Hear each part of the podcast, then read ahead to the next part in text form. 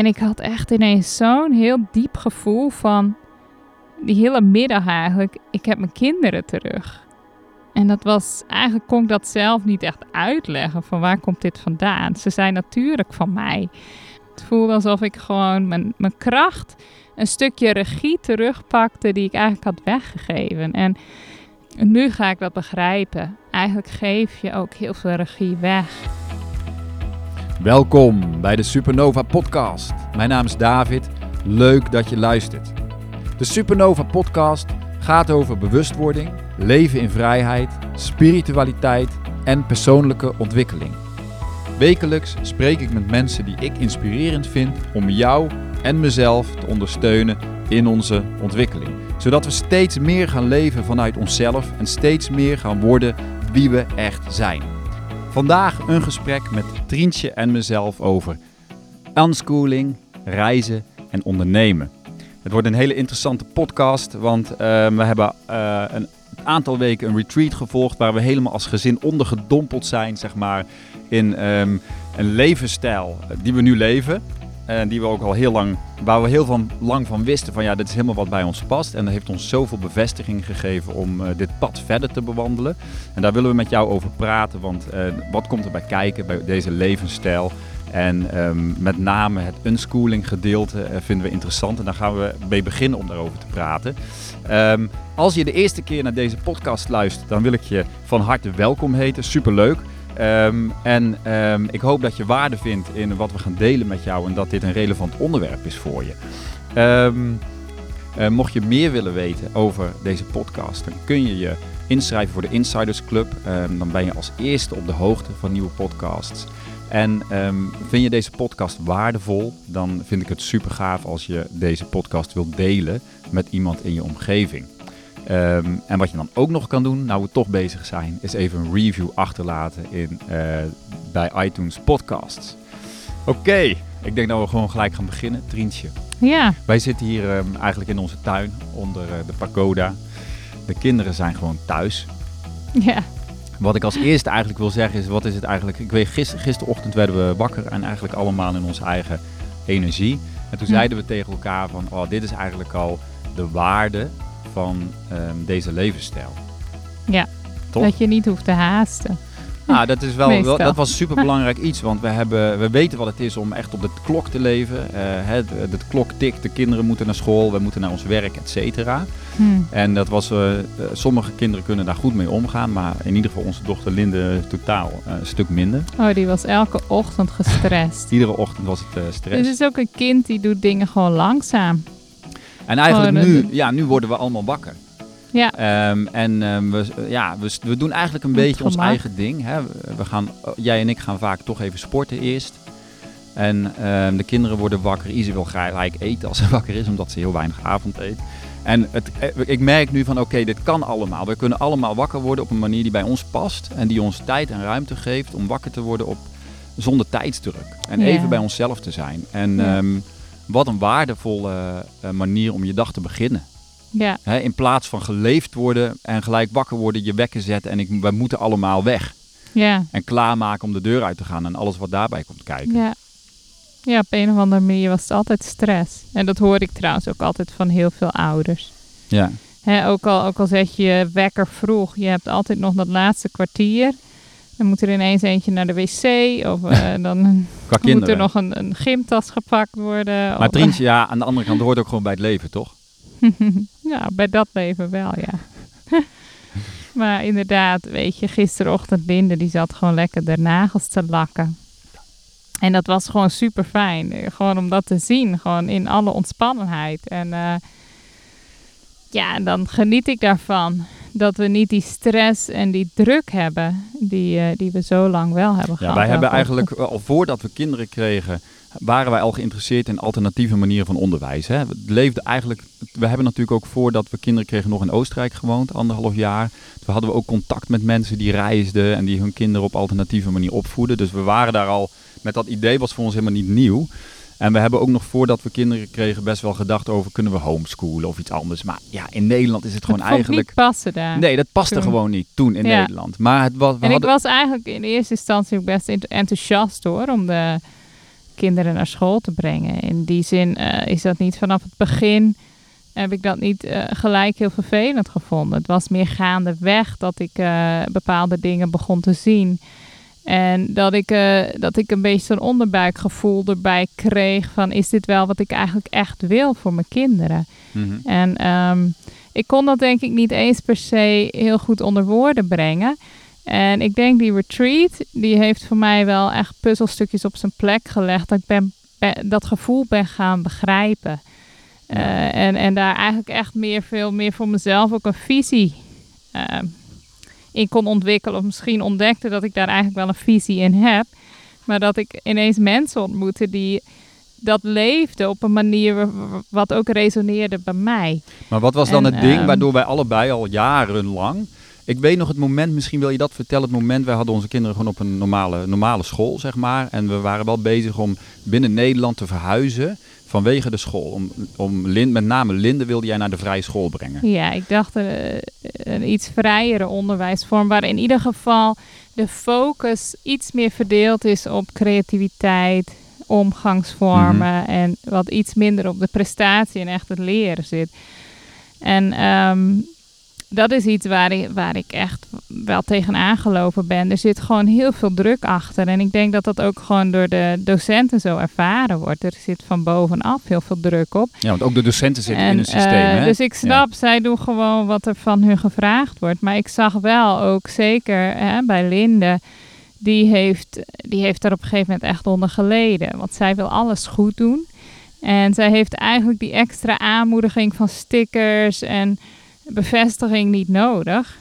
Eh, dus zij, zij draafde echt een soort van door. Hè? En heeft gewoon echt wel heel veel stress ervaren ook Ja. op school. Het beste meisje van de En, klas, zullen we maar zeggen. En terwijl het was, ja. het was echt de teacher's pet. Hè? Gewoon de lieveling van de juf.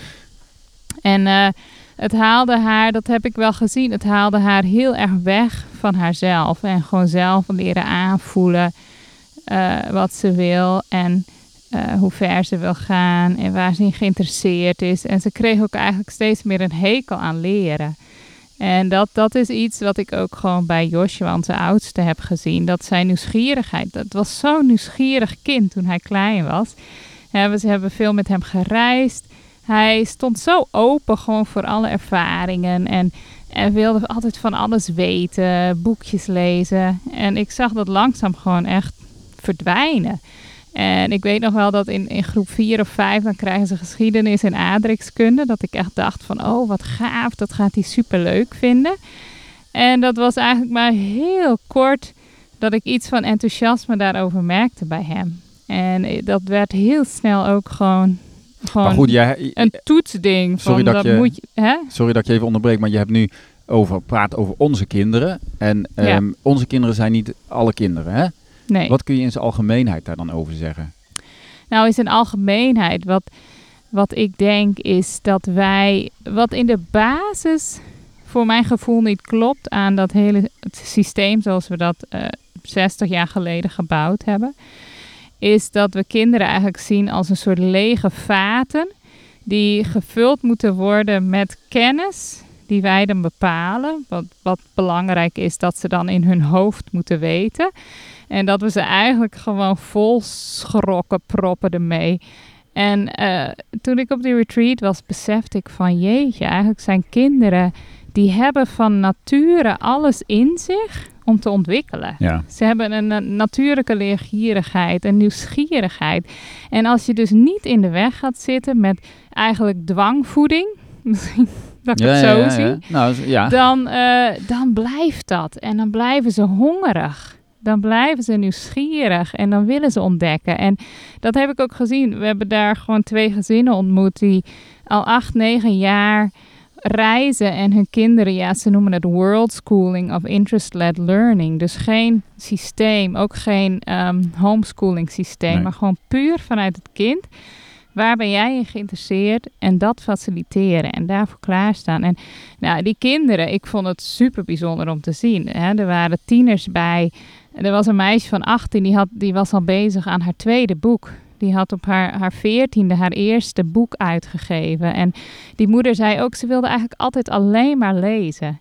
En ze heeft dat op een gegeven moment helemaal losgelaten. Ze heeft haar gewoon laten lezen. En, en overal waar ze kwamen, gingen ze in de biep gewoon boeken lezen. En zij, heeft, zij wil gewoon schrijfster worden. En dat wist ze al toen ze zes was. En weet je, ze is nu bezig aan haar tweede boek. En haar broer is al zijn eigen bedrijf aan het opzetten. En gewoon kinderen. Van die- 18 is die, ja. ja, precies. En dan nog een meid van 15 die al documentaires aan het maken is over het plasticprobleem in Bali. En haar eigen liedjes schrijft. En, en gewoon animaties Nou zijn er maakt. natuurlijk Gewoon- ook wel kinderen die naar school gaan die dat ook doen, zou je denken. Ja, precies. Dus dat is super als kinderen daar tijd voor hebben. Maar ik, ik heb gemerkt, eh, weet je, het schoolsysteem neemt zoveel tijd en energie. Kijk, Mhm. misschien dat kinderen nog een hobbytje ernaast doen, even sporten. Maar echt gewoon... Nou, de druk is natuurlijk heel groot. De- Kijk, vanaf het moment dat de kinderen in groep 7 zitten. Joshua eh, ehm, heeft groep 8 nou, niet gedaan omdat we hem uit school hebben gehaald. Hè, dus ehm, vanaf groep 7 wordt het serieus en moeten ze zich echt gaan voorbereiden op de middelbare school. En dan wordt het gewoon eh, volle bak eh, klaarstomen voor een, een vervolgopleiding. En dan moet je echt al weten welke richting, want ja, En dat is ook je moet moeilijk. kiezen. En dat is, zit, zit natuurlijk heel Ja. veel druk op de ketel. heb ik zelf al ervaren natuurlijk. eh, Dat is Ja. inmiddels, het, ja, hoe lang geleden? 20 jaar minstens. 25 jaar. Nee, het gaat snel. maar ik weet nog hoe lastig ik dat vond. En dat ik op een gegeven moment mijn pakketten had gekozen op het VWO. En dat ik ook realiseerde van... Ik wilde toen op een gegeven moment vroedvrouw worden. Dat kon niet meer. Dan was ik echt 18. Dat kon eigenlijk... Of ja, dan moest ik een extra scheikunde erbij doen. Maar gewoon het feit dat je dan eigenlijk al moet kiezen... al veel eerder, als je 15, 16 bent... vond ik heel ingewikkeld. En... Hm. ehm, nou ja, wat, wat ik heb gezien ook bij deze kinderen is dat ze vanaf jongs af aan veel meer leren om hun eigen leerproces te voelen, waar ze nieuwsgierig naar zijn, en dat ook te sturen. En ik denk dat wij onze kinderen eigenlijk een beetje lam leggen soms met het systeem wat we hebben gebouwd. Nou ja, wat we natuurlijk doen ehm, in het, eh, dan heb ik het over het reguliere schoolsysteem, is dat kinderen worden gedwongen, zeg maar, om op een bepaalde leeftijd bepaalde dingen te kunnen. Ja, En dat er, niet, en dat er geen ruimte is daarbinnen om te kijken van, nou, dit, dit kind ehm, is nog, eh, ja, ze kunnen dan wel eens een jaartje extra kleuteren. Hè, dat is dan nog wel wat ruimte die er is. Maar daarnaast is het vooral, ik weet groep 3 was een drama voor ehm, de manier waarop het ging. De druk, zeg nou, maar. het was eigenlijk echt een trein. Eh, ja, en het die, was gewoon. Die denderde eh, gewoon en, en ja, ze leren wel lezen en ze leren rekenen, dus dat moet ik dan nog meegeven. En dat is ook de bedoeling van het hele gebeuren natuurlijk. Maar ja, ik heb heel vaak gehoord, ook van hersenonderzoekers, dat eigenlijk de hersenen pas rond een jaar of zeven gemiddeld genomen klaar zijn om gewoon op een rustige, natuurlijke manier Cognitief te leren. te Ja, leren. te lezen. Dus eh, heel, voor heel veel kinderen, daar hebben we ook in de familie meegemaakt met eigenlijk een, een nichtje wat gewoon faalangst heeft ontwikkeld. Als je dat eh, door wil douwen, als het kind eh, zelfs op hersenniveau er nog niet helemaal klaar voor is, dan kan je heel veel schade ook doen. Gewoon heel veel onzekerheid kan dat geven. En nou, dat is wel iets wat een ander ding is, gewoon de sociale ontwikkeling, het zelfvertrouwen. Als iedereen hetzelfde moet zijn en hetzelfde padje moet gaan. En er wordt gewoon heel veel vergeleken. En dat, is, dat merk ik nog steeds bij, de, bij onze kinderen. Eh, Dat is iets wat, wat ze moeten afleren. Gewoon het altijd vergelijken. Ja, dat is En- misschien wel het grootste ding waar wij ons. Waar we, nu, soort- waar we nu nog steeds moeite mee hebben om dat recht te trekken. Maar wat we, wat volgens ons is dat inderdaad begonnen op school. Je zet allemaal kinderen bij elkaar in de klas. van Ze dezelfde leeftijd. dezelfde leeftijd. Ze moeten allemaal dezelfde dingen leren. Terwijl die kinderen in de basis totaal op een ander punt zijn in hun En ze emotionele krijgen ontwikkeling. er een cijfer voor. ja, ze krijgen er hoger ook nog een cijfer voor. lager. Dus dat geeft al zoveel boodschappen. En wat ik nu gewoon, wat me echt opviel bij de gezinnen die we hebben ontmoet, die gewoon, hè, die kinderen die, die zelfs nooit op school hebben gezeten, dat in die gezinnen was heel veel harmonie en heel veel, eh, de, de individualiteit van gewoon elk kind was gewoon heel mooi belicht omdat er geen vergelijking was. Was gewoon eigenlijk iedereen is in zo'n gezin op een zoektocht naar wie ben jij en wat vind jij leuk, waar ben jij goed in, wat heb jij te brengen. En eh, dat is zo'n andere focus dan zo'n klaslokaal met one size fits all. En we Mhm. gaan ook nog vergelijken, zeg maar, een cijfer krijgen wie dat dan beter doet of slechter. Nou ja, en de kinderen onderling. Ik weet nog dat inderdaad was het bij Josje op een gegeven moment dat dan het was dan niet toegestaan om elkaar elkaar cijfer te laten zien. Maar ja, dat hielp natuurlijk totaal niet in de klas. Want uiteindelijk is het toch van, eh, wat had jij? En ehm, er wordt dus onderling natuurlijk gekeken. Van wie doet, is het beste kind van de klas en wie, wie is dan het slechtste? Weet je wel? Dus wat doet dat? Ik denk dan wel eens van, wat doet dat zeg maar, met je zelfvertrouwen? Wat doet dat met je ontwikkeling als kind emotioneel?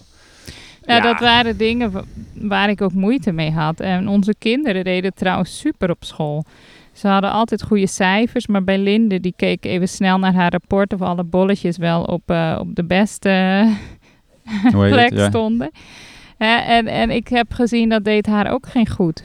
Want nee. zij werd daar trots van en voelde zich dan beter dan anderen. Het is een illusie om te denken dat als je kind wel heel goed doet, dat dat goed is voor dat dan het schoolsysteem goed is voor je kind. Ja, ja dat is eigenlijk onze, grote kinderen, ja. onze kinderen deden het fantastisch. Maar ik had toch het gevoel dat het hun als mens uh, absoluut niet verder hielp op een manier die ik eigenlijk van, voor ogen had. Maar ik heb heel lang niet geweten van wat, wat is dat dan, weet je? welke dingen zit het dan? Want je bent het zelf ook zo gewend. Want waar ik ook achter kwam bij die retreat, ik moest zelf, moet ik ook op een bepaalde manier nog dingen afleren. Want wij hebben dat ook in dat systeem natuurlijk al die jaren mhm. geleefd. En weet je, die natuurlijke nieuwsgierigheid die ik gewoon zag ook bij die kinderen. was ook één meid, die was dan super dol op geschiedenis. Dus die reisde en die gingen overal naar kastelen. En als ze daarover vertelde, dan gingen haar ogen gewoon stralen.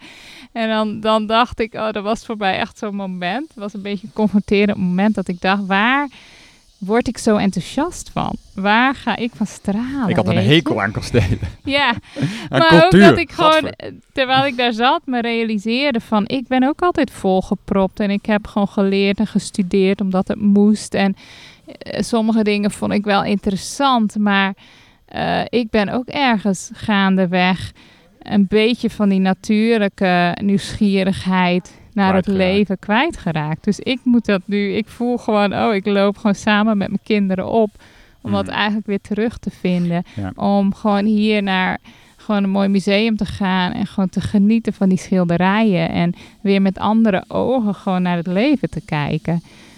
De verwondering is eigenlijk ver weggenomen. Ik moet het ook eerlijk bij mezelf, als ik heel eerlijk ben en terugkijk, denk oh ja, ik ben zelf ook nog in dat proces. Want ik heb, ik had een, ik heb een totaal geen fijne ervaring aan school gehad. Alleen er wordt natuurlijk.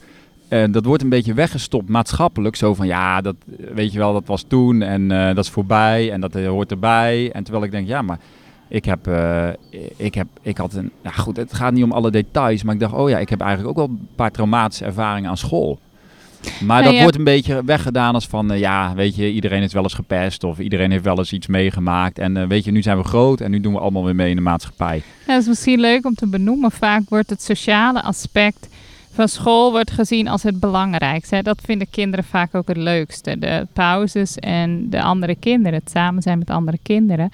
En dat wordt ook een beetje gezien, dat heb ik zelf ook altijd gezien, als als je kinderen niet op school zitten en je hebt te veel thuis, dan hebben ze gewoon niet genoeg contacten. Dan hebben ze gewoon, hè, sociaal is dat niet gezond of niet, niet goed. Ja, dat is een tegenargument uh, tegen natuurlijk. Daar hebben we ook hele gesprekken over gehad en, uh, op de retreat. Maar ik zag ook die kinderen die, die al jaren zo leefden, weet je, die ontmoeten heel veel mensen. En eigenlijk wat wij creëren op een school is dat kinderen gewoon in een hele klas zitten met leeftijdsgenoten, is ook geen afspiegeling van de maatschappij. Nee. Als ik kijk, wij ontmoeten dagelijks mensen, maar de kinderen leren nu met allerlei verschillende mensen om te gaan. Dat het ook eigenlijk gewoon best heel leuk kan zijn om met een jonger kind te spelen of een ouder kind.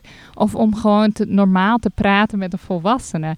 En dan denk je, jeetje, dat vond ik vroeger super spannend om gewoon met een andere volwassene te praten mhm. als kind. En dan denk ik, hè, het is een hele andere manier van sociale ontwikkeling. Nou ja, wat, wat natuurlijk best wel, als je daar zo over nadenkt, wat we hebben gedaan, is natuurlijk kinderen. We hebben een soort kinderwereld gecreëerd op school en bij de voetbalclub en et cetera. En we hebben een volwassen wereld.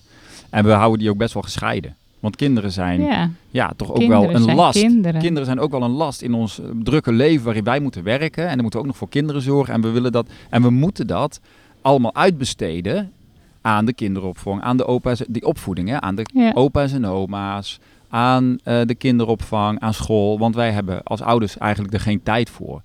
En daar wil ik het bruggetje mee maken naar, zeg maar, wat is de reden eigenlijk dat wij deze stap hebben gezet? Waarom wilden wij ehm, ehm, onze kinderen uit school halen en een totaal ander leven creëren voor onszelf, is omdat we weer zelf aan het roer wilden staan van waar Ja. wij als gezin zeg maar naartoe zouden gaan en hoe wij als gezin willen leven. En dat vond ik ook heel mooi aan. Hè, die, Hm. We hebben dan twee weken die family retreat gehad. Waar we Ja. ook echt de diepte in konden gaan over wat, wat zijn onze kernwaarden als gezin? Hoe willen we leven? En hoe willen wij onze kinderen niet alleen opvoeden, maar hoe willen we zijn met elkaar? En toen dacht ik weer van ja, dit, is, dit was mijn grote worsteling altijd. Van ik wilde meer tijd met mijn gezin, maar niet alleen tijd, maar ook echt aandacht. Weet je wel, voor de kinderen. Voor wat er leeft in de kinderen. En nu merk ik van, nu hebben we dat in ons leven. En hoe fijn is het dat, ook gisteravond kwamen we thuis, we waren weg geweest met vrienden. En er speelde iets bij de kinderen. En dan konden we echt in een kring, hebben we er als gezin zeker een half uur gepraat. En de Mm. kinderen moesten huilen. En we hadden gewoon echt aandacht en tijd om, om wat stukken op te ruimen. Ja, en dan, voel, dan kom je er echt doorheen. Ja. Hè, want er, er speelde een conflict en ik voelde op een gegeven moment van... oh ja, we hebben heel vaak eerder ook gewoon dingen snel afgehandeld. Omdat Mhm. we zelf gewoon moe waren. Waren of- druk. Ja. En het voelt alsof we nu echt gewoon moeten gaan bouwen aan ons gezin. Aan, aan Mhm. het samenleven, aan het voor elkaar zorgen, het supporten van elkaar. En dat is, voelt als gewoon eigenlijk een hele nieuwe eh, ervaring. Ja. En ehm, ja, alsof we toch, toch een beetje los zand ja, waren. Ja, ja, precies. Ik wou net zeggen, van eigenlijk waren we een soort van losse units, Ja. om maar even zo te zeggen. En je bent dan wel een gezin. En, en eh, de een... Maar de- hè, dat is ook wel eigenlijk wat de maatschappij doet. Die maakt natuurlijk losse units van je. Want iedereen gaat naar zijn eigen plekje. Ja. En s'avonds kom je even bij elkaar. Dan is iedereen moe. Dan is er vaak best wel wat ruzie. En dan gaat iedereen naar bed. En in de vakantie heb je dan natuurlijk iets meer tijd. Maar ja, dat is dan ook best, kan dat lastig zijn. kan pittig zijn. Ik weet niet hoe onze... Wij hebben altijd wel goede, voor mijn gevoel, goede vakanties gehad. Nou, na een hebben- aantal weken Ja. merkten wij altijd weer een verandering. Dat we meer, dat de kinderen meer ontspannen werden, meer zichzelf. En dan kwamen we in een beetje rustiger vaarwater. Ja.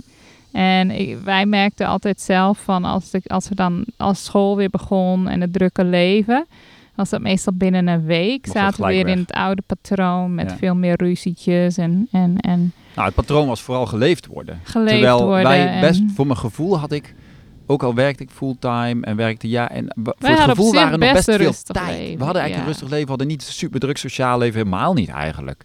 En toch had ik niet het gevoel wat ik nu heb van ja, en misschien wil je dat Het werd vertellen. wel steeds drukker met gewoon eh, allemaal sporten en dingen. Ja, het werd en- steeds drukker. Ja, naarmate de kinderen ouder werden, naarmate ik meer verantwoordelijkheid kreeg in het bedrijf waar Ja. ik werkte. Ja, maar goed, wat, wat wel interessant is, is om te vertellen de laatste dag naar school. Wat er toen gebeurde. We, hebben nou- natuurlijk, we, hebben wel, we hebben natuurlijk toegewerkt naar een afscheid. Ehm, we, hebben, nou, we hebben natuurlijk best een voorbereiding gehad over deze, hè, onze stap om het land te verlaten, om onze kinderen te unschoolen. Maar op een gegeven moment moeten ze dan afscheid nemen op school. We Ja. hebben dat ook op een goede manier gedaan. Heel goed. Ik wilde aanvankelijk met de stille trom vertrekken. Ik denk, ja, nee, we, zijn, we hebben Mocht het goed gedaan. we hebben ze nog in, in september zijn ze nog een maand naar school geweest. En toen hebben we echt op een mooie manier afscheid genomen. Ja, Was ook voor de kinderen was dat heel goed, denk ik. Ja. Hè, om het op een echt le- le- leuke manier te doen. ja. En, maar de, dag, de laatste dag naar school, wil jij dat vertellen? Nou ja, ik, ik, ehm, wat mij heel erg opviel toen al, toen ik wegliep met de kinderen. We hadden dan getrakteerd en nog doei gezegd tegen allemaal mensen. En ik liep daar weg met de kinderen. En ik had echt ineens zo'n heel diep gevoel van die hele middag eigenlijk. Ik heb mijn kinderen terug. En dat was, eigenlijk kon ik dat zelf niet echt uitleggen van waar komt dit vandaan. Ze zijn natuurlijk van mij. Maar ik had echt gewoon zo'n gevoel van ik heb ze terug en ik, het voelde heel krachtig. Het Mhm. voelde alsof ik gewoon mijn, mijn kracht, een stukje regie terugpakte die ik eigenlijk had weggegeven. En ik kon dat toen niet per se uitleggen. Het, het viel me gewoon op. Ja. En ehm, nu ga ik dat begrijpen. Eigenlijk geef je ook heel veel regie weg.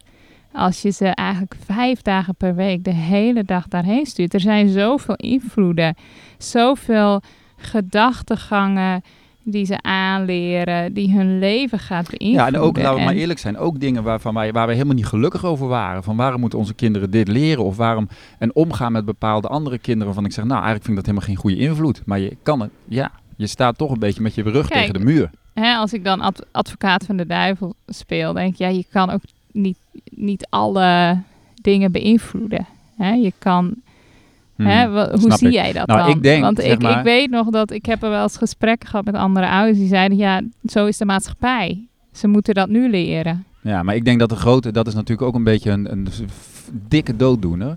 Want uiteindelijk moeten wij leren om in onze eigen kracht keuzes te maken. Ja. En om te gaan met mensen waar we ons empowered door voelen. Met mensen waar we verder mee komen in het leven. En niet zeggen van ja, maar zo is het leven. Weet je wel, dit is nu eenmaal het leven. Maar wat voor leven creëer je dan, zeg Hm. maar. Ik wil Ja. graag mijn kinderen in een omgeving neerzetten waar ze groeien en ontwikkelen. Ja. Zeg maar ik wil zelf in een omgeving zijn en met mensen omgaan waar ik van verder kom in het leven. Ja. En ik weet ook wat het is om in een omgeving te zijn waar je totaal niet dat gevoel hebt.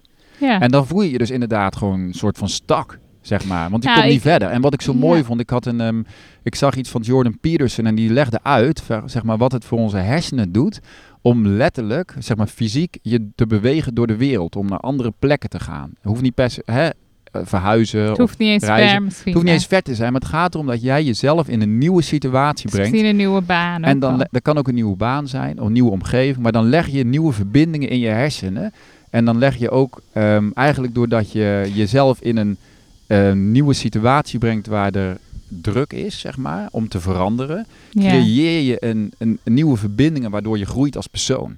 Zelfs het activeert genen, zei Het activeert dus, genen, dus dat je, is je groeit eigenlijk genetisch zelf. Nou, ik heb een klein voorbeeldje. Ik weet nog dat we hier, de eerste week dat we hier scooter gingen rijden. Het is echt freaking druk verkeer als je hier nog nooit geweest bent. Bali lijkt een heel mooi eiland, maar het is ook, zeg maar, vervuild en druk. Op, de, op de hoofdwegen is het gewoon heel druk met verkeer.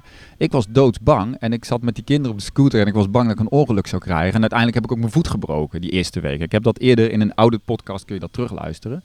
En nu merk ik van, ik zit met, met, met z'n vieren, zit, gisteren zat ik met drie kinderen op de scooter met z'n Ja. vieren. En ik was aan het inhalen. En ik realiseerde me van mijn hersenen, die zijn totaal aangepast. Ja. Ik schat precies. Mijn hersenen zijn de beste wiskunde ding wat er maar is op aarde. Want ik eh, kan precies inschatten hoe ik moet inhalen. Gaat allemaal automatisch. Ik ben nergens bang voor. We hebben een we zingen op de scooter. We hebben plezier. Hè, dus hoe dat aangepast is. Hoe snel dat gaat. En ik dus een, waar ik eerst bang voor was, is gewoon nu normaal geworden. ja. En ik geniet er zelfs van. En ja, dus dat, dat gebeurt alleen maar als je jezelf in een nieuwe situatie brengt. Waar je jezelf zeg maar ehm, blootstelt aan, aan nieuwe dingen. ja. En hoe belangrijk dat ook voor kinderen Buiten is. de comfortzone. ja, buiten vaak. die comfortzone zijn. En eh waar kwamen we hierover?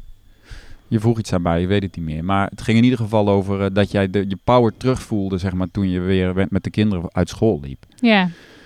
En ehm, Ja, en nu, nu zie ik van wow.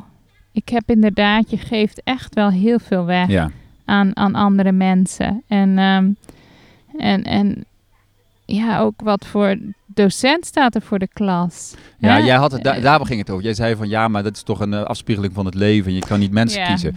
Maar ik denk nu van nee, maar je kan wel kiezen waar je, waar je bent. Ja, je kan wel, en wij hebben ook lange tijd gewoon die keuze gevoeld dat we die niet hadden. Maar uiteindelijk kwamen we op een punt dat we zeiden, ja, wij gaan een andere richting kiezen voor onszelf en ons ja, gezin. ook geïnspireerd door, door... Er zijn heel veel mensen die wel iets anders creëren. Ja, Dus uiteindelijk het zijn kan. wij mensen. Wij zijn creëerders, creators. Ja. Alleen, we zien het vaak En, niet. en je kan ook zeggen van, nou ja, inderdaad, nou als jij denkt van dat je inderdaad heel je leven om moet gaan met mensen die je niet inspirerend zijn en die je niet verder brengen, nou, veel plezier met je leven dan. Dat mag ook. Dat mag ook, ja. snap je? Maar wij hebben gezegd van, nou, en wij nu willen... denk ik, tuurlijk, die komen altijd wel eens op je pad. Hè? het is maar- ook helemaal geen issue. Tuurlijk heb je Waar, mensen... het, waar het om gaat, wat ik heel erg voel, is ehm, dat ik wil dat de kinderen gewoon vanuit zichzelf leren krachtige personen te worden. Mhm. Dus vanuit hun eigen nieuwsgierigheid, vanuit hun eigen ehm, interesses. Dat ze ook leren. Dus daar zijn we nu heel erg mee bezig. Dat we eigenlijk, ik denk dat ze nog een beetje aan het afkicken zijn. Want die passiviteit, die moet je echt doorbreken. Ze zijn gewend om achterover te leunen en gevoerd te worden. En nu is het echt van, wat wil je doen? Wa- Wat, wat vind je leuk om je in te verdiepen? En Joshua die wil meer weten over animaties maken. En dat gaat hij ook doen met een meisje binnenkort. En ehm, dat we echt met hun op zoek gaan van, Waar wat wil je leren? Ja. Waar liggen je interesses? En ze leren heel veel Engels nu. Dat gaat ook supergoed. En ehm, Ja, en het grappige Ja. is dus ook met dat Engels leren. Ze hebben nooit een les gehad Engels. Ze gaan gewoon met andere kinderen om die Engels spreken. En zelfs en dan gaan ze gewoon zelfs gewoon goed Engels praten. Ik kijk, wij gingen pas naar een film met Joshua en ik zei, kon je het allemaal, hij zei, ja, ik kan eigenlijk alles volgen. Hij Ja. had natuurlijk al wat basis gehad op school, pas in groep 7, wat echt Maar ja, super laat Linde is. die had geen enkele basis Nee. nog gehad. En die spreekt, die, die spreekt nu ook gewoon eigenlijk redelijk Engels Ja. al. Die kan zich heel goed redden. En ehm, dat is ook en een beetje leren. Balinees. En een beetje Balinees. maar goed, het is dus echt... eh, het is, ik, ik moet eerlijk zeggen, toen, toen we hier kwamen... had ik nog niet per se het gevoel van... oh, eh, deze route wil ik gaan met de kinderen. Ik wil ze echt gewoon heel open... eh, interest-led learning gaan doen, world schooling. Ik was nog steeds... Ja, Ja, jij was echt- terughoudend. Ik had Ja, al vanaf moet- het begin het gevoel van, ah, Ja. ik wil ze in ieder geval een jaar uit school houden. Bij mij was toch die angst. En ik denk waarschijnlijk veel mensen die nu luisteren, ja, die angst van en de taal dan en, de gewoon rekenen. En weet je, daar hadden we een heel gesprek over, ook op de retreat. Zeker rekenen is echt zo'n ding. Van oeh, als ze achter liggen in angst. rekenen. Ja. Maar dan denk ik, wow, wanneer heb ik mijn wiskunde A van het VWO ooit nog gebruikt? En eh, zelfs die kinderen die dus nooit op school hadden gezeten, die hadden dus momenten, die tieners, die hadden momenten gekend waarin ze ineens dachten, oeh, ik moet math leren. En dan hadden ze bijvoorbeeld online, hadden ze een course, hadden ze iets opgezocht en hadden ze wekenlang rekenen gedaan. En, en de Uit eigen initiatief. uit hè? eigen Ja. initiatief. Dus die hadden zelfs die angst. Dus dat hangt gewoon in de lucht. En dan hadden ze besloten van, oh jeetje, eigenlijk kan ik dit wel. Het valt allemaal wel mee. En dan konden ze dat ook weer laten rusten.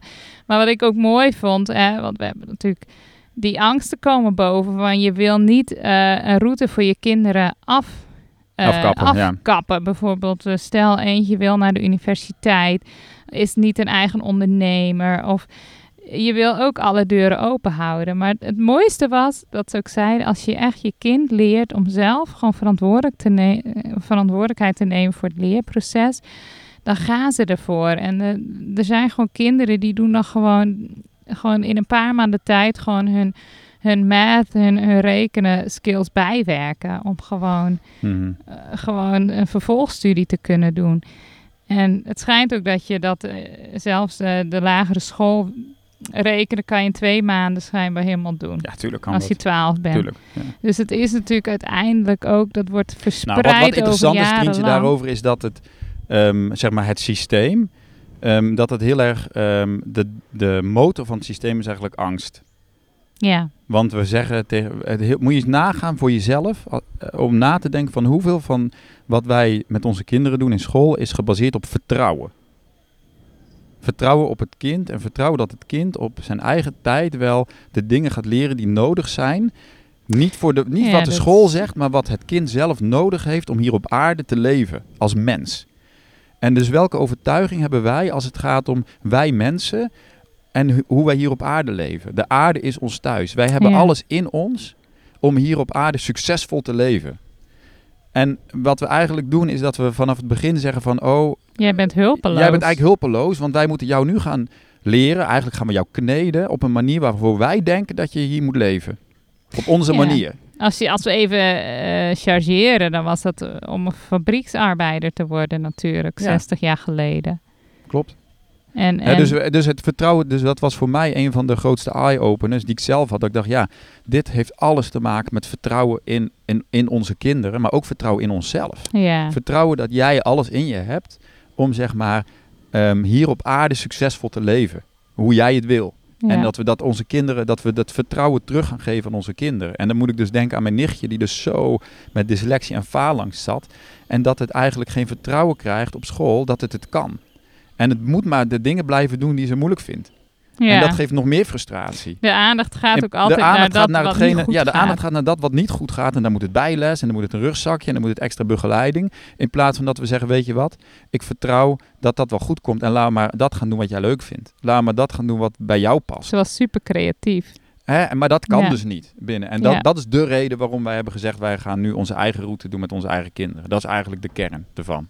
Voor mij. En is het makkelijk? Nee, het is niet makkelijk. ik ben heel eerlijk. Het is niet de mak maar school is erger. Ja, nou precies. dit is- ik dit- vond het ook heel erg moeilijk om, om, om elke keer toch zo'n knagend gevoel te hebben van dit is nee, eigenlijk ik ben niet, totaal gelukkig. Ik ben helemaal. echt 100% super gelukkig dat we deze stap hebben gezet. En ja, het is ook uitdagend. Want wij Ja. hebben allebei werk wat we willen doen. Dus we moeten elkaar afwisselen. Ja. We laten wel eens de kinderen alleen. Maar we willen ook één op één tijd met de kinderen. Ik heb trouwens gisterochtend heb ik met de kinderen doorgebracht terwijl jij aan het werk was. En Zijn we nog smiddags heb- steeds druk? En smiddags hebben we het omgedraaid. En ja, we zijn, nou, we hebben, nou, we gaan wel als we thuiskomen s'avonds met z'n allen in het zwembad. Weet je, het leven is hier totaal Ja. anders. Zeg maar, dus het, Het, Dus- is niet, het is niet die tijdsdruk, hectiek. nee, het is, maar, maar wij we hebben best wel veel werk te doen, zeg maar. Ja. Maar niet veel in de zin van, niet gestructureerd van, we gaan om, we moeten om acht uur op ons werk zijn en tot zo. En dan, weet je wel. Nee, dat doen we zit- soms 's avonds ik heb eigenlijk gisteravond tussen. 9 en 11 nog op de computer gezeten. Ja. En wat prima was, weet je. En omdat ik gewoon wat dingen af wilde maken. Nou ja, wij hebben de luxe. Kijk, als je samen bent, dan kan je elkaar ook afwisselen. En, eh, Kijk, als we het hebben goed. over werk bijvoorbeeld, wat mij, eh, als je mij langer volgt, dan weet je dat ik een achtergrond heb in het zakelijke leven in Nederland rondom marketing en communicatie, eh, consulting en advisering. En ehm, dat ik dat ook ehm, na, naast mijn podcast ben gaan aanbieden om mensen te begeleiden. Nou, het is super gaaf om te doen.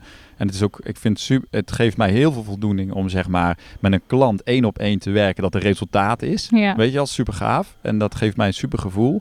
Maar ik ben er ook achter dat mijn echte passie voor gezinnen ligt. Ja. Hè, dus ik heb gezegd van, ehm, en ik ga daarin ook mijn hele, mijn, mijn, zeg maar mijn eigen marketing en mijn eigen bedrijf echt toespitsen op gezinnen die net als wij de stap naar vrijheid willen maken. Want ik weet dat die gezinnen er zijn. En ik weet dat het ook niet heel, het is echt mogelijk. En Dus als jij aan het luisteren bent, het, dit is ook voor jou mogelijk. Mhm. Maar het is niet per se makkelijk en het is ook niet per se eh, eff- even te doen, zeg maar. Dus er is echt een route die je moet afleggen en, en je hebt voorbereiding nodig. Maar laat je daar alsjeblieft niet door tegenhouden. Dus wat ik ga doen met mijn bedrijf, ik ga me helemaal toespitsen op gezinnen die de stap naar vrijheid willen maken. Hmm. Hè, dus dat is, ehm, de drie pijlers zijn eigenlijk unschooling of worldschooling, reizen of slow travel doen we, want wij zijn niet voortdurend aan het reizen. Hè, en ondernemen. Hè, Hmm. want je moet wel deze levensstijl kunnen bekostigen door je eigen bedrijf op te richten. En ik, Ja, dat, dat is vaak iets waar, waar je echt hard voor hebt, hè? nou, Dat ik je- geloof heel erg, wij, wij, wij hadden dat jaren. Ik bedoel, ik was best, denk ik, succesvol in Nederland met ons bedrijf waar we... Hè, ik denk dat we mate van succes hadden, maar ik voelde altijd van ja, dit is niet echt waar mijn hart ligt. Voor grote bedrijven werken, ook nog grote bedrijven waar ik echt niet altijd helemaal achter stond, weet je wel. Hmm. Ik denk, nee, ik wil mijn kwaliteit en mijn passie zeg maar inzetten voor mensen die echt hun hart willen volgen. Omdat we dan, om, want dat, heeft wat, de- wat, dat is wat deze wereld nodig heeft. Hmm. Weet je? En ehm, ik heb daar, ik, ik wist het eigenlijk altijd al. Al een jaar geleden dacht ik van ja, maar ik wil eigenlijk een brug slaan voor andere gezinnen die dat willen doen als wij. Ja. En nu, de afgelopen weken door die retreat, is me dat heel duidelijk geworden van dat is waar mijn hart, eh, waar, waar ik van harder ga, van ga kloppen. En omdat ik ook weet dat het voor heel veel gezinnen echt mogelijk is, zeg maar. Ja. Alleen als jij nog in je leven in Nederland zit en je denkt van ja, maar hoe dan? Weet je, er is wel Mhm. een route die je moet afleggen. En ik, ik, ik weet dat ik jou daarbij kan helpen als dat bij jou speelt. Hè, dus ik heb besloten om een hele. ehm, daarom ook deze podcast onder andere. Weet je, ik wil iets meer daar naartoe, naar het creëren van een leven van vrijheid. Hmm. En voor ons is dat aan de ene kant, begint dat innerlijk. En daar gaat deze podcast ook grotendeels over. Hmm. Dus luister zeker de vorige afleveringen terug als je nieuw bent en je hebt daarin interesse. Maar ik voel wel voor mezelf van ja, dit is een route ehm, eh, ja, waar zoveel kinderen mee geholpen zijn. En waar zoveel gezinnen zeg maar Hmm. beter van worden. Ondanks dat die niet makkelijk is. En ja, er zijn echt uitdagingen. Maar het is zo de moeite waard om deze weg te Er gaan. staat En- zoveel tegenover. en er staat zo ontzettend Ja. veel tegenover. En dan denk ik, ja, we, we zijn hier toch maar mooi in het paradijs. nou, niet echt het paradijs, maar we hebben gewoon, ja, het, het, leven is zoveel meer voldoening en zoveel meer vrijheid. Ja, het, het, als je het gevoel hebt van ja, dit is echt wat ik wil doen, dat is gewoon goud waard. Ja. Kijk, bij ons was het heel duidelijk. Ik wist al heel lang, ik wist al jaren dat dit is wat ik wilde. Alleen dat was nog vrij onbewust en dat is heel lang onder de oppervlakte geweest. Ja. En ik was op een bepaald moment in een, mijn leven, ik was ingestapt in een familiebedrijf bij mijn vader. Ik, ik ging daar steeds dieper in. Dat ging ook steeds beter. En ik, ja, ik zat op een gegeven moment, ja, de, de, de reguliere route was om dat bedrijf over te nemen. Maar ik voelde op een gegeven moment van ja, dit is niet waar ik uiteindelijk gelukkig van word. Dit is niet hoe, hoe ik uiteindelijk wil leven. En ja, het heeft toen bij mij best wel veel passie en, en, en besluitvorming nodig gehad om te zeggen, ik ga daarmee stoppen. Terwijl er Ja. mensen in mijn omgeving waren, ja, die gingen het familiebedrijf overnemen. En ik zei, ik stap eruit. Het was best wel een stap voor me. Maar Wat- nu zie ik van, weet je, uiteindelijk is dat voor dat bedrijf was het ook beter. En voor mij is het beter. En voor ons gezin is het beter. En Mm. dus ja, je zal wel moeilijke keuzes moeten gaan maken. Maar uiteindelijk is het een kwestie van durf je echt je hart te volgen. Durf jij te doen wat in jou leeft. En durf je er dan op te vertrouwen dat, dat, alle, dat het dan allemaal goed komt. Hm. Dat dat de weg is voor jou. Want ja, je, je- ja, je zal wel door misschien wat angsten heen moeten werken. Dat, dat hoort ook bij deze route. Maar dat maakt het ook waardevol. Ja, Weet je? Dat is wat deze... het is absoluut iets waar je heel veel van groeit. Wat deze levensstijl zo mooi, mooi maakt. En ik zeg wel eens van, dit gaat totaal niet over een wereldreis maken. Het is Nee. een levensstijl van een, een levensstijl die je met je gezin doet. Waarin je onderneemt, waarin je slow travel doet en waarin je tijd en aandacht aan je kinderen besteedt. Hm. Zeg maar, dat zijn de ingrediënten. En ehm, nou ja, ik ben super dankbaar dat we naar ons hart hebben geluisterd. En dat we tegelijk niet alleen, ehm, maar dat we ook een goed plan en een goede strategie hadden. Want ik geloof wel heel erg dat je dat echt nodig hebt. Dat heeft, heb je als je een bedrijf start, zeg maar, of als je ehm, deze route wil gaan, of een- misschien een andere route, maar wel in het ondernemerschap, dan moet je wel een strategie hebben. Dan moet je wel jouw passie en je verlangens aan de grond zetten met zeg maar ja. een goed plan en met een goede eh, eh, eh, ja, een strategie en een goede marketing die echt, maar wel eentje die helemaal bij je past, waardoor je authentiek jezelf kan zijn. ja, Hè, en dat is de mooie route waarin ik, zeg maar, waarin mijn passie is om andere mensen daarin ehm, te begeleiden, in, om zelf die weg ook te gaan. ja. Mocht je daar meer over we- willen weten, dan kun je kijken op mijn website bij davidpieters.com slash doen. Ehm, of stuur me gewoon een berichtje, weet je. Kan ook. Je kan me ook een berichtje sturen en zeggen van, joh, ehm, eh, ik wil graag eens met je doorpraten. ja. Want dit leeft ook bij mij. Nou, dan, dan, dan horen we dat wel. En weet je, als ik even gewoon daarin... ehm, want er zullen ook luisteraars zijn die gewoon helemaal niet zo'n passie hebben. Dat is ook helemaal prima. Maar als je Die dat... zijn al lang afgehaakt. Ja, dat zou ook heel goed kunnen. Maar als je dat wel voelt, ehm, geef dat ruimte. En ik weet voor mezelf, ik vond het op een gegeven moment ehm, een moeilijker idee dat ik in mijn oude leven zou blijven met dat gevoel. En dan bijvoorbeeld eh, over 20, 30 jaar eigenlijk zou moeten eh, Ja. kijken naar mijn eigen regrets. Hè, of op mijn sterfbed. Ik, er is zo'n geweldig boek, de The Five Regrets of the Dying. Mhm. En dat ik gewoon zou moeten zien van... oké, ik heb het gewoon niet gedurfd. En Ja. ik heb eigenlijk dat laten liggen. Dat vond ik op een gegeven moment Erger. erger... dan de angsten en de onzekerheid en er gewoon voor te gaan. Ja. En als je dat ook voelt... op een gegeven moment wordt die drive groter... dan hè, dat andere scenario. Ja. En, en ja, weet je, laat je dan gewoon niet weerhouden. Want volgens mij is er bijna niks ergers dan gewoon regrets hebben. Wat is het Nederlandse woord? Eh, spijt. Spijt. Spijt hebben van dat je iets niet doet. Ja, Nou, en ik realiseerde me ook heel erg van, ja, weet je, dit leven is kort uiteindelijk. Onze kinderen worden steeds ouder. nou ja, ik En, word ehm, 40 en dat was voor mij wel ook echt zo'n wake-up moment. Dat ik dacht van, ja, jeetje, tussen 30 en 40. Dat lijkt echt in een zucht voorbij te zijn gegaan. En als ik nog een zucht en niks doe, dan ben ik 50. En ja, dus eh, dat, is het, dat is het mooie van tijd, leeftijd, dat dat je ook wakker kan schudden. Leeftijd. Ja, Oké, hoeveel tijd leef hoeveel, jij? Ja, Dat is wel een mooie vraag. Ik Albert nooit zo gezien. Zonneveld zegt het zo Oh. mooi. Hoeveel zomers heb je nog? Hoeveel zomers Had heb hij nog? uitgerekend als je een bepaalde leeftijd hebt en je wordt 80. Hoeveel zomers heb je nog?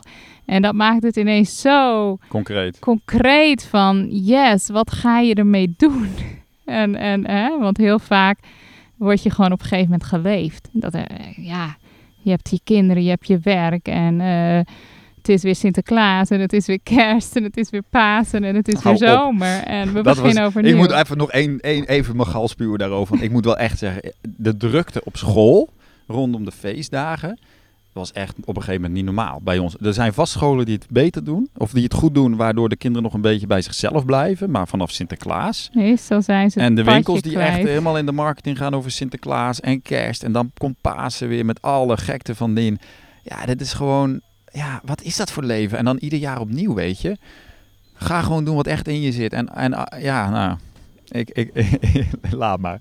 Ehm, ik ben blij dat we nu met onze kinderen een route hebben, hebben zeg maar, waarin we daar niet aan mee hoeven doen. En dat Ja. onze kinderen kunnen groeien en ontwikkelen wie ze zijn. En wij ook, want het is niet alleen voor onze kinderen, het is ook voor mezelf. Absoluut. Ook ja. voor mijn eigen groei en ontwikkeling. Het is ook een weg, deze route is ook een weg van enorme groei, Hmm. innerlijk, spiritueel, maar ook aan de buitenkant. En als ondernemer in, in, in zeg maar, als persoon. Ja, dat is super waardevol. En dan moet ik weer denken aan inderdaad wat, dat stukje over eh, die verbindingen leggen in je hersenen. Over jezelf in nieuwe situaties brengen. En, en dat is uiteindelijk wat ons diepste verlangen is. We willen toch groeien als persoon. We willen, ehm, we willen morgen weer een stukje dichter bij onszelf zijn dan gisteren. Ja.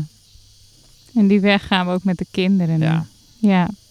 En dat is, een, dat is een heel proces. En dan hebben we echt hele mooie momenten. En we hebben momenten dat we denken van, oh. Frustraties, ja, we zijn er Hè? ook. En dat is ook maar helemaal... wat ik wel want we- merk, ja. ja, ik merk wel dat we steeds beter in die momenten van- van frustratie ook kunnen zijn. Ja. Gewoon actief aanwezig. Gewoon dat we erin duiken met de kinderen, dat we er doorheen werken. Ja. En dat is iets wat wij eerder veel minder deden. Dat we gewoon denk ik de energie ook niet voor hadden. En ik denk dat gaat ons heel veel opleveren. Ja. Ik zei eerder van waar wil je over een jaar zijn Mhm. met ons gezin? Oh ja. Nou, dat is een mooie vraag om over na te denken. Waar wil jij over een jaar zijn met je gezin? Wat voor gezin wil je zijn? Ik zei, wat zei ik? Ik wil echt ehm, dat we steeds meer allemaal veel meer in onze eigen energie zijn. En dat we helemaal ook als we samen zijn. Nu hebben de kinderen onderling nog best wel wat strubbelingen. En dat komt ook, er is ook wat leeftijdsverschil en zo. Maar, ik- maar dat hoeft dus niet maar uit dat te hoeft dus niet. Nee, daarom. Dus daar wil ik Dat naartoe zijn werken. wij gaan geloven. Ja. Ja? Want eh, wat ik dus heb gemerkt, onze jongste is vijf jaar. En dat is dus een heel vurig meisje. Die heeft zoveel kracht in zich. Maar die is ook al vanaf eh, dat ze misschien twee is, de andere twee aan het pesten. ja. En dat is gewoon op een of andere manier, is dat een beetje een soort negatieve uiting geworden van haar vuur. Mhm. Zij is het boefje. En zij is gewoon een handvol. En wat moeten we ermee, weet je? En we hebben van alles geprobeerd. En toen, ik, toen we op die retreat waren, toen dacht ik ineens van... Jeetje, ze heeft eigenlijk... Prachtig is dat, dat vuur. Mhm. Maar hoe benader je dat? En er zit zo'n gevoelig, warm kind onder Mhm. die wij op een gegeven moment bijna niet meer zagen. En eh, dat, dat unieke in haar, van hoe kunnen we dat juist koesteren en eh, tot een andere uiting laten komen. Ja. En ik merk gewoon al door er voor haar te zijn en veel meer aanwezig te zijn bij haar, dat haar gedrag al verandert. En, en, en dat ze al veel meer opbloeit en dat vuur gewoon op een andere manier aan het Kanaliseren. kanaliseren is. En, en dat we dus ook eigenlijk als gezin ontdekken dat dat heel leuk is in haar. Dus dat haar broer en zus ook zien van... hé, hey, wat is het eigenlijk een grappig, sterk meisje. En dat dat niet alleen het boefje is wat irritant is. En, en dat, weet je, ik hoop ook echt dat over een jaar... dat we daarin zoveel meer allemaal in die eigenheid zitten... en ook kunnen genieten van elkaar. Mhm. En elkaar kunnen opbouwen. En dat het niet meer nodig is. Gisteravond hadden we een heel gesprek, want Joshua is af en toe ook wel gepest op school. En dan ging hij thuis Linde pesten om zich ook beter te voelen. En eh, hij ging dat zelf ook zien, van dat, dat je dat niet meer nodig hebt. Dat je een ander neerdrukt om jezelf beter te voelen. Wat natuurlijk gewoon op school zoveel Zo gebeurt. vaak gebeurt. Ja. En eh, dat hij dat zelf ook ging zien en heeft gezegd tegen, tegen Linde van ik wil dat niet meer. Want weet je, ik heb dat Mhm. niet meer nodig. Ja. En gewoon dat we dat verder uitwerken met z'n allen. ja, mooi. Dat lijkt me super.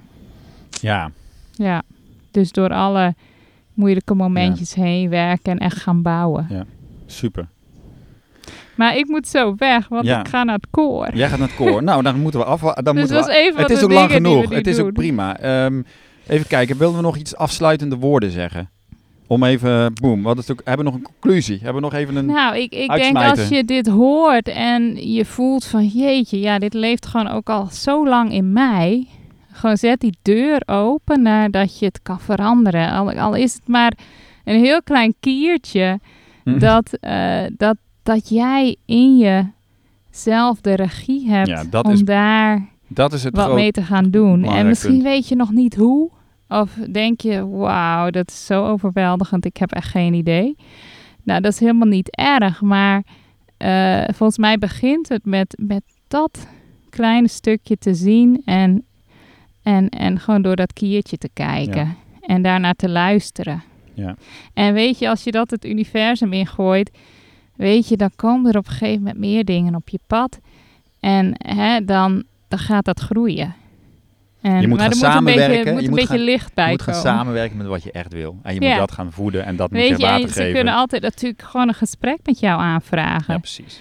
Hè? Want sowieso, David helpt mij ook gewoon bijna dagelijks gewoon om kwartjes te laten vallen. Het is gewoon echt een talent van jou om mensen gewoon ploef tot inzicht te... Het is gewoon een intuïtieve kant van jou. Dus hè, ja, dat is ook gewoon een optie. Ja. Wil je gewoon daar hulp bij? Weet je, zet gewoon een Doen. stap. Doen. Ja. Oké. Hey, ehm, ja, oké, dan gaan we het hierbij laten. Dit was gewoon mooi voor nu. Ik wil wel even van jou weten, van, is dit een onderwerp wat jou aanspreekt? Ik wil heel graag reacties op de podcast. Die kun je bij mij achterlaten. Je mag mij mailen op supernova.davidpieters.com.